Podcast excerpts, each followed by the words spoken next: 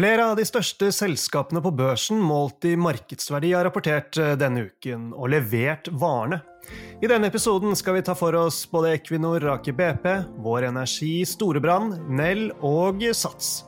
Vi kommer heller ikke utenom sammenslåingen av Sparebank1 SR-Bank og Sparebank1 Sørøst-Norge. Og vi skal selvfølgelig også innom renter og makro. Og så har jeg med ferske resultater fra Investortempen, som er vår egen sentimentundersøkelse blant eh, aksjeinvestorene.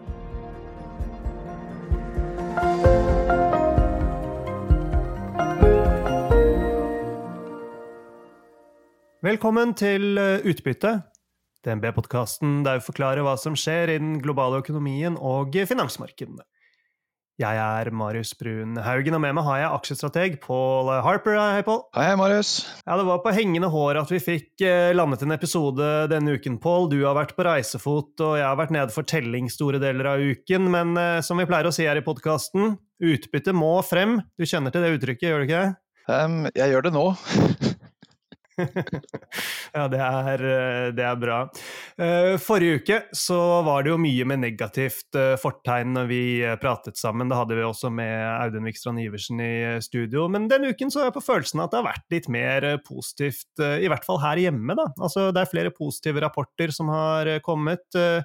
Vi har mange eksempler på selskaper som har hentet eh, kapital etter stengetid, og ikke minst så har vi hatt en bankfusjon som vi skal eh, snakke mer om.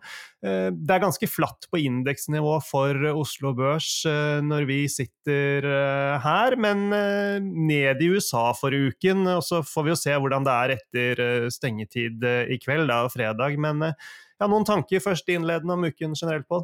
Ja, Som du sier så var det en veldig dårlig start på rapporteringssesongen uh, forrige uke, men det har vært uh, mye jevnere denne uken, vil jeg si. Så vi som avrundet uh, forrige uke bl.a. med store miss fra Tomra spesielt. Yara var heller ikke noe spesielt positivt. Athea falt jo en del, men denne uken så har det jo vært en del bedre. Um, bl.a. Polissen Storbrann hadde, hadde, gode tall. Um, I dag så har vi hatt gode tall fra Equinor og Aker BP, og klart det selskapet selskap som veier tungt i, eh, i indeksen. Så, så, det har blitt mye jevnere, eller med bedre tall denne uken, så har liksom totalinntrykket nå blitt mye jevnere enn det var uh, for en uke siden. Ja, så det skal vi jo ta med oss, da. En liten uh, positiv uh, En liten positiv uh, også fant vi i Investortempen. Det er da vår egen spørreundersøkelse som vi sender til de ekstra aktive aksjekundene som handler via plattformen til DNB.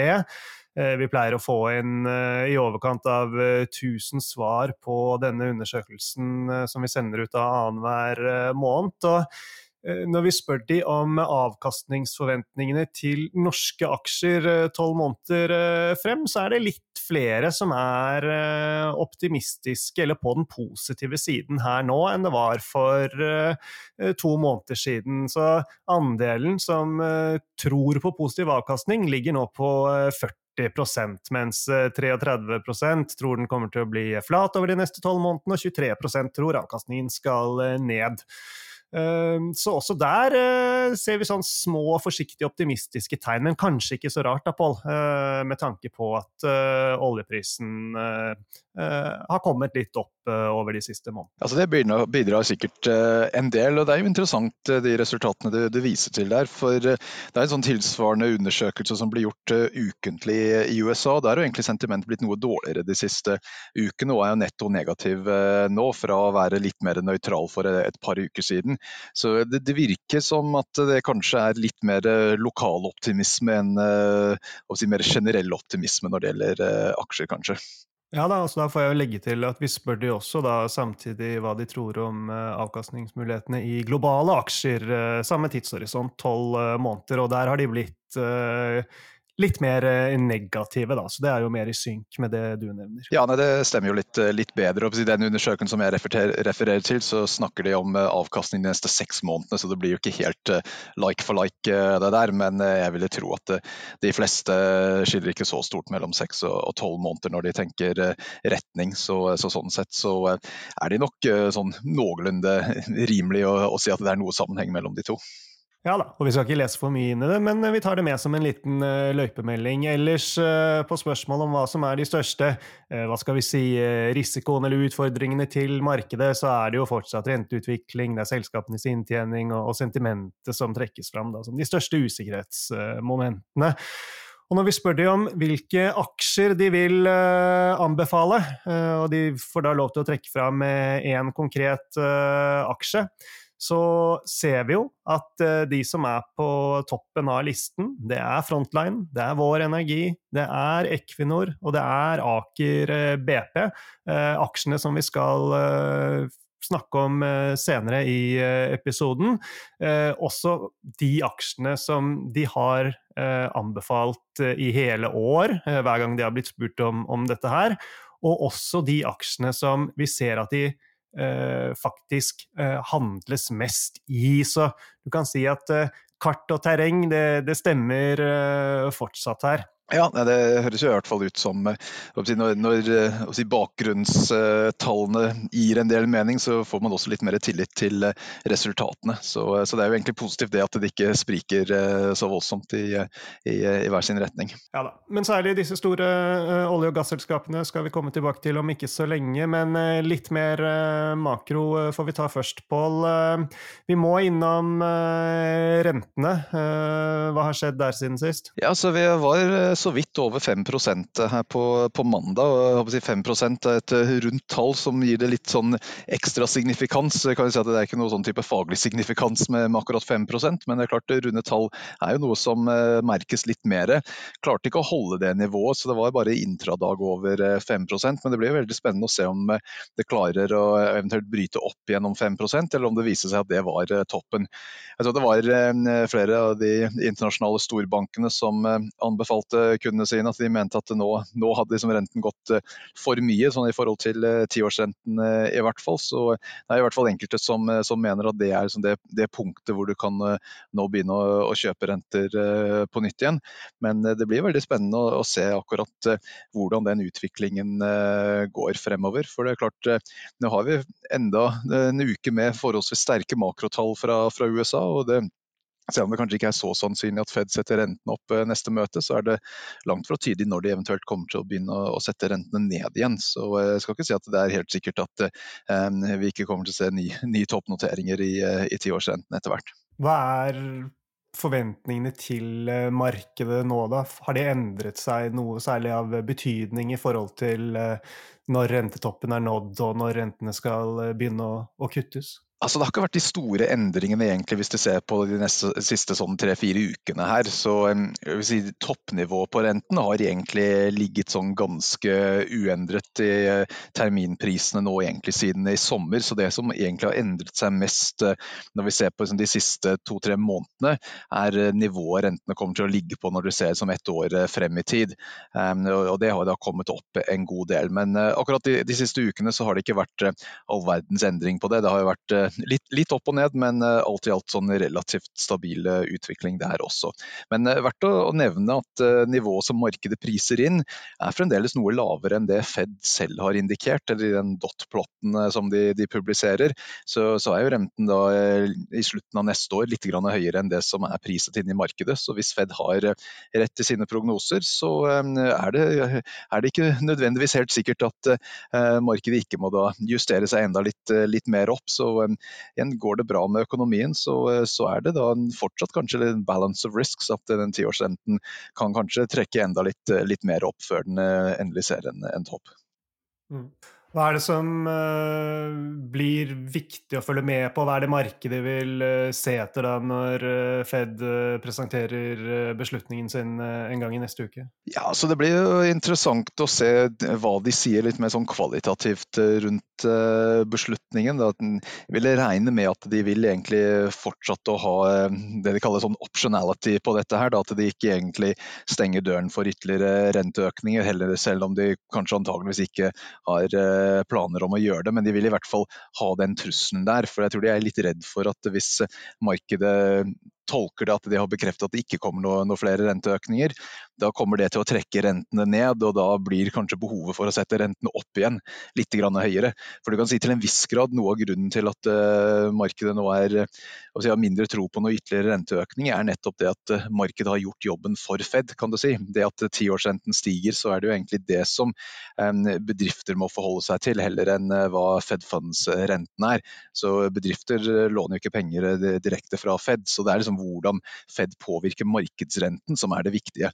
Og Hittil da, så har markedsrentene kommet ganske kraftig opp, og kredittspredder har kommet litt ut osv. Så, så det gjør at det er dyrere, penger er dyrere nå enn det var tidligere. Og det hjelper da med å bremse etterspørselen og eh, sannsynligvis da hjelper å få inflasjonen ned. Så jeg tror Fed er nok litt der hvor eh, de heller venter litt for lenge med å komme med duete signaler, heller enn at de gjør det for tidlig, nettopp fordi at de bommet på inflasjonen, liksom undervurderte uh, trykket tidligere. Nå vil de ikke gjøre samme feil to ganger, og da blir det jo nesten uh, garantert at de kommer til å vente litt for lenge før de uh, begynner å, å, gi litt mer duete signaler. Ja. Ok, vi får komme tilbake til dette her mer i neste uke når vi har fått litt nye signaler. I forhold til situasjonen i Midtøsten, Pål.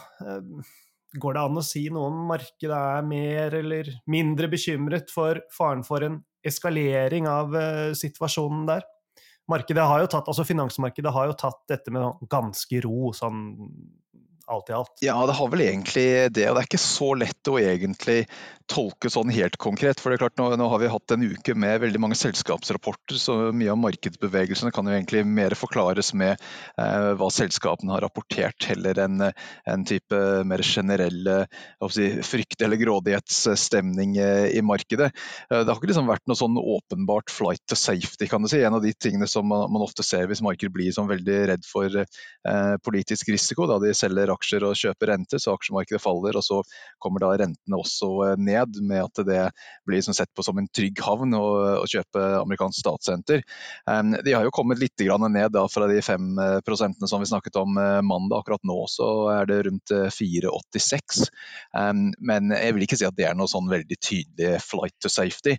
Um, men så kunne man eventuelt argumentere ja, er, er amerikansk statsrente like safe som de var tidligere. Det er jo også en, en åpen åpen uh, diskusjon, kan du si, rundt akkurat ja, det, er det med Ja, du har dette store stats budsjettunderskuddet, og det er jo enkelte som, som mener at uh, det er ikke det nødvendigvis noe risk-free asset uh, lenger. Men uh, det er jo også, også, et tema som kanskje egentlig kan fortjene en egen, egen podkast, heller enn at vi kanskje går i altfor mye detaljer rundt, rundt, dette. Men akkurat det å prøve å konkludere til hvilken grad markedet er mer eller mindre bekymret for akkurat den situasjonen, syns jeg er litt vanskelig. Men oljeprisen har kommet litt opp, i hvert fall nå de siste, siste, dagene, og så har det som også da litt ned på rentene, så kanskje man kan tolke det litt sånn at det er kanskje bitte litt uh, mer frykt. Men jeg ville være litt, litt forsiktig med å konkludere altfor mye for det. Vi lar uh, makro uh, og geopolitikk ligge, og går videre til det litt mer håndfaste som har skjedd denne uken. Jeg tenkte vi får starte med denne nyheten om at Sparebank1 SR-Bank og Sparebank1 Sørøst-Norge som kom der de meldte at de slår seg eh, sammen, eller vil slå seg eh, sammen. Og den sammenslåtte banken kommer til å få navnet Sparebank1 Sør-Norge. Vil bestå av 2300 ansatte og har rundt 500 eh, milliarder kroner i forvaltningskapital. Og 375 milliarder kroner i utlån til folk og bedrifter. og markedet tok jo imot dette her eh, alt i alt eh, positivt, eh, er mitt inntrykk på. Ja, det, det, var nok kanskje mest positivt for Sparebank Sørøst-Norge. De er, når vi ser på kursreaksjonen nå i går pluss det vi har sett hittil i dag, så er den opp 16 mens SR-Bank er bare opp en, en halv prosent. Så, så, de har kanskje fått litt bedre bytteforhold ut av denne transaksjonen, men jeg tror de aller fleste er vel egentlig forholdsvis positivt til dette her. At det, det er jo åpenbart synergier å, å, få mellom bankene, vil jeg tro. Og I tillegg så, så er jo det å få litt sånn større enheter er jo også iblant en fordel der med at det da gjør det litt bedre å, å konkurrere med enkelte av de andre større bankene, bl.a. DNB og Nordea og, og, og noen av de eh, konkurrentene som er der ute. Så eh, jeg tror alt i alt så tror jeg de fleste mener dette her er en, en god, del, god, deal all around. Ja.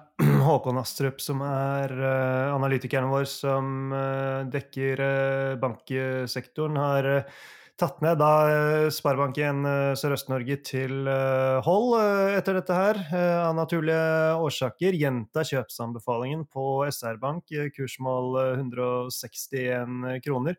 Skriver i oppdateringen som han sendte ut torsdag ettermiddag, at han ser på dette her som positivt for uh, begge banker. Ja, jeg tror det, det igjen når vi ser på uh, estimatutvikling også, det var jo bra tall fra SR Bank i går, så jeg tror det hadde ikke vært for den transaksjonen, så hadde antageligvis SR Bank-kursen reagert litt, litt, mer positivt enn det gjorde. Men det er dette her med at det, det bytteforholdet, det er alltid litt sånn at den ene um, sannsynligvis får en litt bedre, bedre si, del av dealen kan du si, enn en den andre, men det er gjerne sånn at for at den større parten skal eh, få, få dette her eh, gjennomført, så, så, må de kanskje gi, gi, litt fra seg de også i, i, i det bytteforholdet. Så, eh, jeg tror når, i hvert fall når vi ser på estimatene, da, så har han justert litt opp på bunnlinjen på SR Bank, men da blir det noen flere aksjer også i sammenheng med at de hentet noe ekstra penger, så da blir Epson sånn noenlunde uendret. Ok.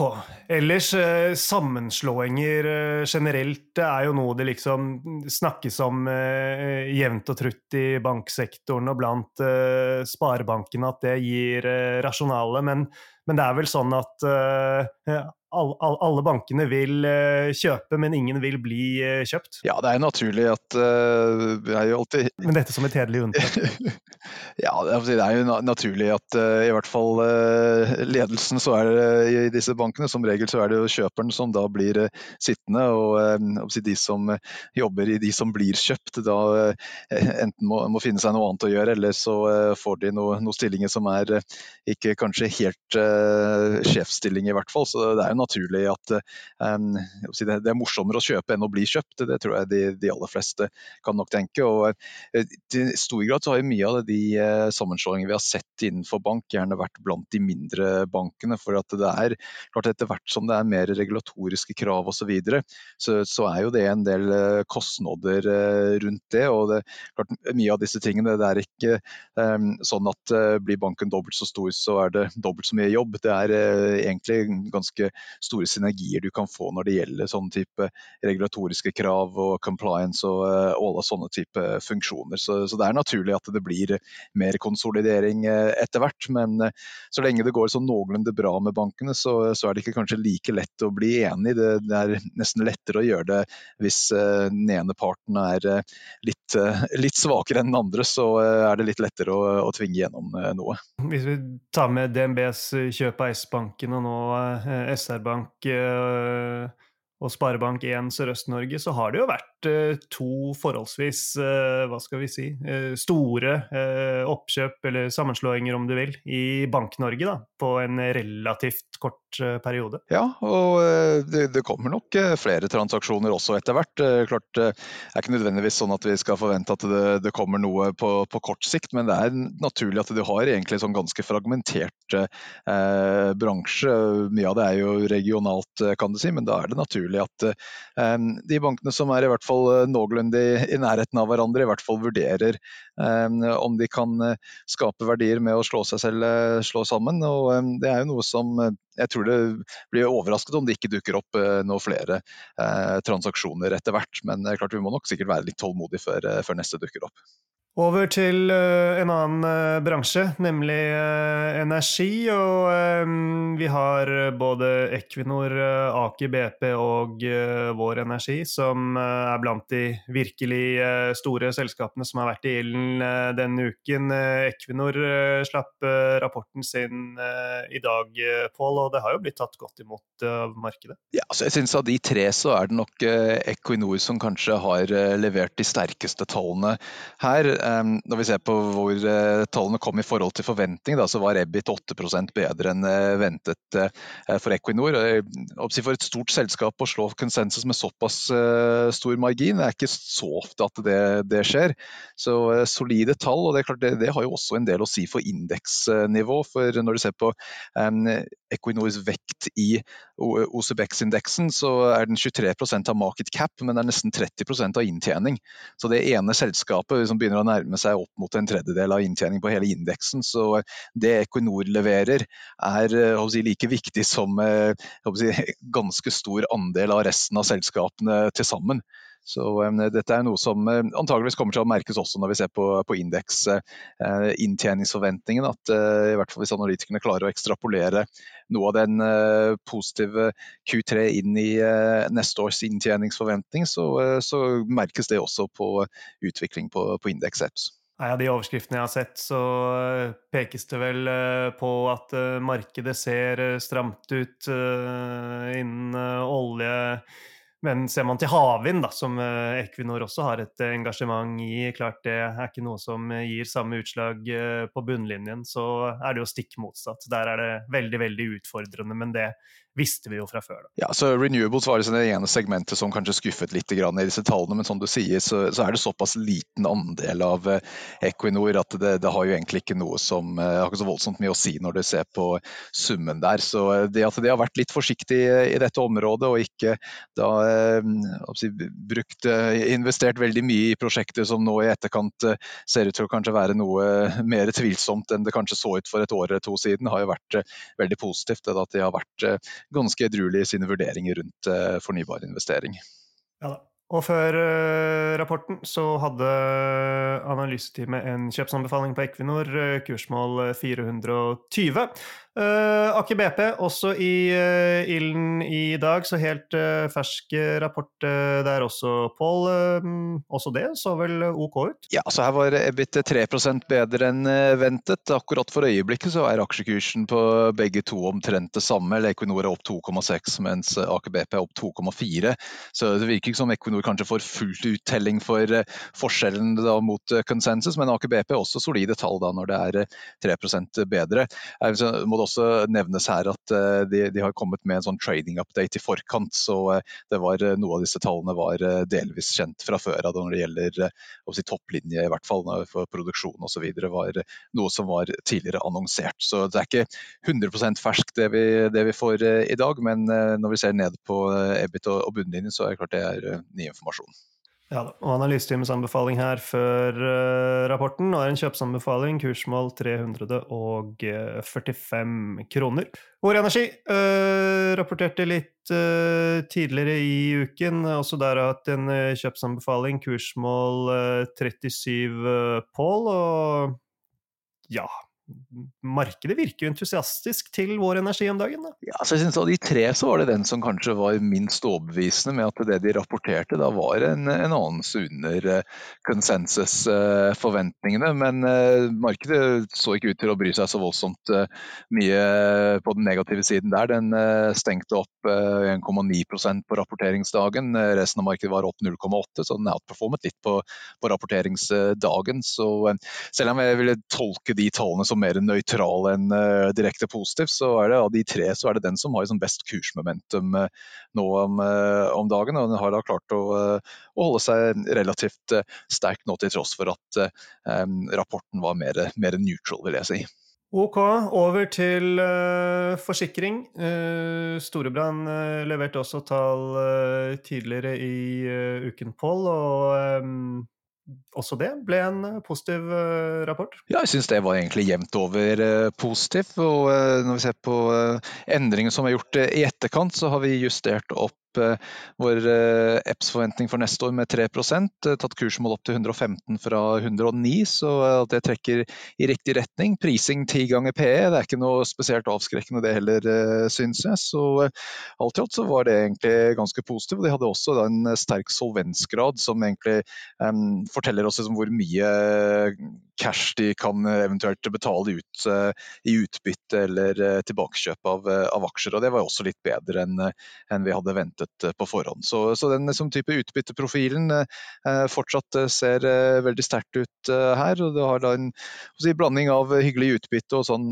ja, noenlunde OK inntjeningsvekst og eh, da ja, relativt lav eh, prising rundt eh, ti ganger PS, og jeg syns egentlig den ser bra ut. Det har vært en favoritt av analytikeren her lenge, og fortsatt en av favorittene innenfor finans. Over til uh, Sats. Det er ikke blant de største selskapene på børsen målt i uh, markedsverdi, men du har det bl.a. i porteføljen med anbefalte aksjer, Pål. Og uh, det var en del positivt å spore i rapporten, men markedet var også litt bekymret i forhold til guidingen på medlemsveksten. Ja, jeg syns det var egentlig bra tall. Det, ene som kanskje trakk litt ned, var at de var eh, litt forsiktige når de eh, guidet på eh, medlemsutvikling i fjerde kvartal. Så jeg nevnte det at det var en, del av kundene som da ble medlemmer for et år siden i fjerde kvartal, så de var redd for at det kanskje skulle bli litt churn i kundebasen der.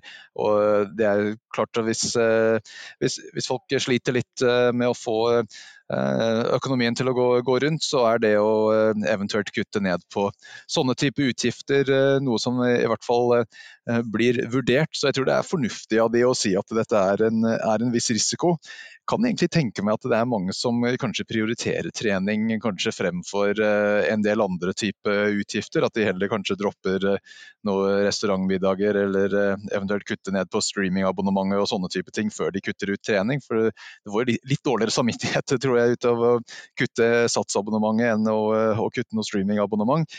Um, så vi får se. Det er jo noe som på et vis da, det å være litt forsiktig i Q4 gjør det litt lettere eventuelt for konsensus å bli positivt overrasket hvis det er det som eh, viser seg å være tilfellet her. Men vi tok estimatene opp med, med 4% Det som også har vært et tema i Sats eh, Eh, en stund, er eh, gjeldsnivået.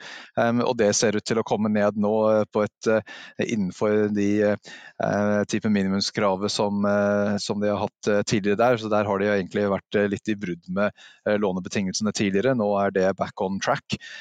Prising P, P på 8 for neste år, det er jo ikke noe spesielt dyrt. Det syns jeg egentlig er, er, ganske billig. Så den kombinasjonen av sånn positive estimat revisions, noenlunde billig prising og eh, sånn OK kursmomentum er sånn de faktorene som eh, gjør at vi eh, har hatt den i, i, porteføljen. og Det meste av det ser fortsatt intakt ut. så Spørsmålet er egentlig til hvilken grad det blir noe bekymring rundt Q4-medlemsveksten. Vi får se litt hvor konsensus legger seg etter, etter, hvert. Men det er vel eventuelt om, om, det er en større bekymringsfaktor, eller om de, de fleste heller ser på det som bare at selskapet er litt eh, ja, prøver å under, under promise over deliver.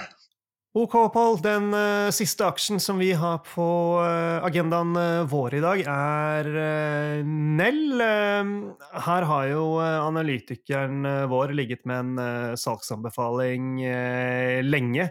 man kan si at aksjekursen har vist motstand, den og, holdt seg betydelig høyere en god stund. men nå har uh, virkelig uh, ting uh, begynt å skje, i form av at aksjekursen har kommet ganske kraftig ned. Og, og, det er jo pga. Uh, hvordan utsiktene ser ut, bekymringer rundt kundenes betalingsdyktighet uh, osv. Ja, så Dette er jo en aksje vi har vært negativ til eh, veldig lenge. Eh, og Det tok jo litt tid før den begynte å, uh, å falle. Men som du sier, så er det egentlig kanskje to hovedområder som er grunnen til bekymring her. Den ene er det at topplinjen eh, skuffer litt. og De var litt sånn forsiktige med, med guiding, og liksom ordreinngangen var kanskje en anelse på den svake siden, eh, den også. Um, og Når det er et selskap som er fremdeles sånn forholdsvis tidlig fase, det at det tjener ikke noe, noe penger på, på, bunnlinjen, så blir det gjerne mer fokus på nettopp eh, topplinjeutviklingen. Så hadde litt, De hadde litt lavere kostnader, men jeg tror ikke det er egentlig fokusområdet når det skal være i en sånn tidlig vekstfase. Så da blir det egentlig mer et problem at omsetningen var litt, litt dårligere enn forventet, heller enn at det er en positiv at kostnadene var litt uh, lavere. Så Det var liksom den ene delen, at de, liksom, de skuffer litt på topplinjen uh, der. og Dette er jo et selskap som er ikke forventet å være EBITDA positiv før i, i 2026, så du må være sånn ganske tålmodig før du kan egentlig forvente at de begynner å bli noe lønnsomt. og EBIT, sånn driftsresultat, er ikke forventet å være positiv før ut i, i 2027. Um, så, det var den, den ene delen. Og så Det andre var at den største kunden deres ser ut til å ikke gjøre opp for seg i forhold til det som er bokført av eh, inntekter her. Så er det fremdeles eh, utestående eh, at de skal ha betalt for det de har kjøpt her. Det er litt sånn vanskelig å regne helt nøyaktig om de har betalt litt. Vi tror de kanskje har betalt noe, men det er fortsatt en god del som er utestående her. og da blir det litt sånn, Dette var jo et tema forrige kvartal også. så Eh, uten at vi vet detaljene rundt det, så er det naturlig å begynne å lure på om dette er egentlig noen som er i stand til å gjøre opp for seg, eller uh, om dette er uh, en, en uh, si salg som etter hvert må, må, eventuelt reverseres på et eller annet tidspunkt. Så Det er jo også et, et tema at kanskje den omsetningsveksten er enda litt dårligere enn det, enn det ser ut. Så det, det er når det gjelder selve selskapet, så er en, en, del av de tingene som vi eh, ikke helt liker utover det, er at det er ikke liksom så lett å se helt hva deres konkurransefortrinn er. For det er jo mange store industribedrifter som også er aktive i samme, samme, område. Så helt hvorfor de skal være så voldsomt mye bedre enn en konkurrentene er ikke så lett eh, å se, mens de da konkurrerer mot bedrifter med masse erfaring med å, å produsere eh, forskjellige typer capital goods i, i store mengder over tid. Det har så mye sånn produksjonserfaring. Så vi syns egentlig det er veldig vanskelig å bli noe, noe særlig positivt til eh, Nell. Ok, Pål. Da har vi vært igjennom eh, det vi klarte for eh, denne uken. Og så får vi jo bare si til slutt, da, som en liten disclaimer, at det er jo veldig mange andre spennende ting som har skjedd. Mange andre spennende selskaper som hadde fortjent litt omtale. Men det klarte vi ikke i dag. Vi får bare oppfordre dere til å logge inn i uh, aksjehandelsløsningen, uh, gå inn på analysesidene og oppdatere dere enda mer i detalj der. vi er ferdig for denne uken, så da gjenstår det bare å si tusen takk til deg, Pål, for at du tok deg tid. Og sist, men ikke minst, folkens, tusen takk til alle dere som hørte på.